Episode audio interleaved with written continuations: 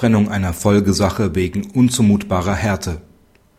Die Abtrennung von Folgesachen unter Verstoß gegen § 628 ZPO muss mit dem Rechtsmittel der Berufung gegen den Scheidungsausspruch angegriffen werden. Eine unzumutbare Härte liegt nicht schon in einer langen Verfahrensdauer, sondern muss zusätzlich zu dieser bestehen. Die Ehegatten sind seit 1983 verheiratet und leben unstreitig spätestens seit 2005 getrennt. Die gemeinsame Tochter ist inzwischen volljährig und wurde während der Ehe von der Frau betreut. Das Scheidungsverfahren ist seit Oktober 2005 rechtshängig. Im Januar 2006 stellt der Ehemann, im Februar 2009 die Ehefrau einen isolierten Auskunftsantrag zum Endvermögen.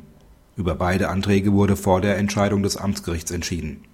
Den Geschiedenenunterhalt macht die Ehefrau mit einer Stufenklage im Mai 2007 anhängig. Nur die Auskunftsstufe wird im Juni 2010 durch Anerkenntnis und Teilurteil abgeschlossen.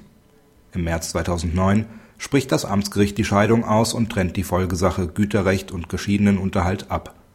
Die Ehefrau legt Berufung gegen den Scheidungsausspruch ein und beruft sich auf einen Verstoß gegen § 628 ZPO.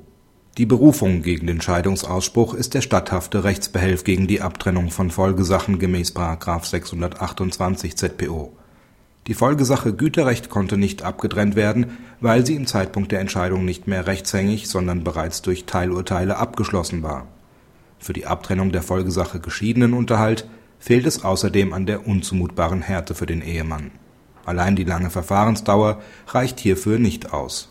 Zu berücksichtigen ist auch, dass der Ehemann durch die Nichterteilung der Auskunft über mehr als drei Jahre selbst zur langen Verfahrensdauer beigetragen hat eine unzumutbare Härte liegt auch nicht deshalb vor, weil der Trennungsunterhalt höher ist als der nach der Scheidung bestehende Unterhaltsanspruch.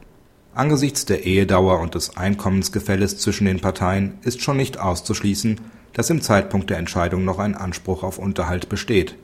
Auch die Tatsache, dass der Ehemann eine neue Beziehung legalisieren möchte, kann nur zu einer unzumutbaren Härte führen, wenn die neue Partnerin ein Kind erwartet, das ehelich geboren werden soll.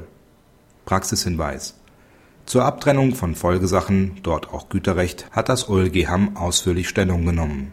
Der neue § 140 FamFG hat § 628 ZPO zwar nicht wortgleich ersetzt, die bisherige Rechtsprechung zur unzumutbaren Härte ist aber weiter beachtlich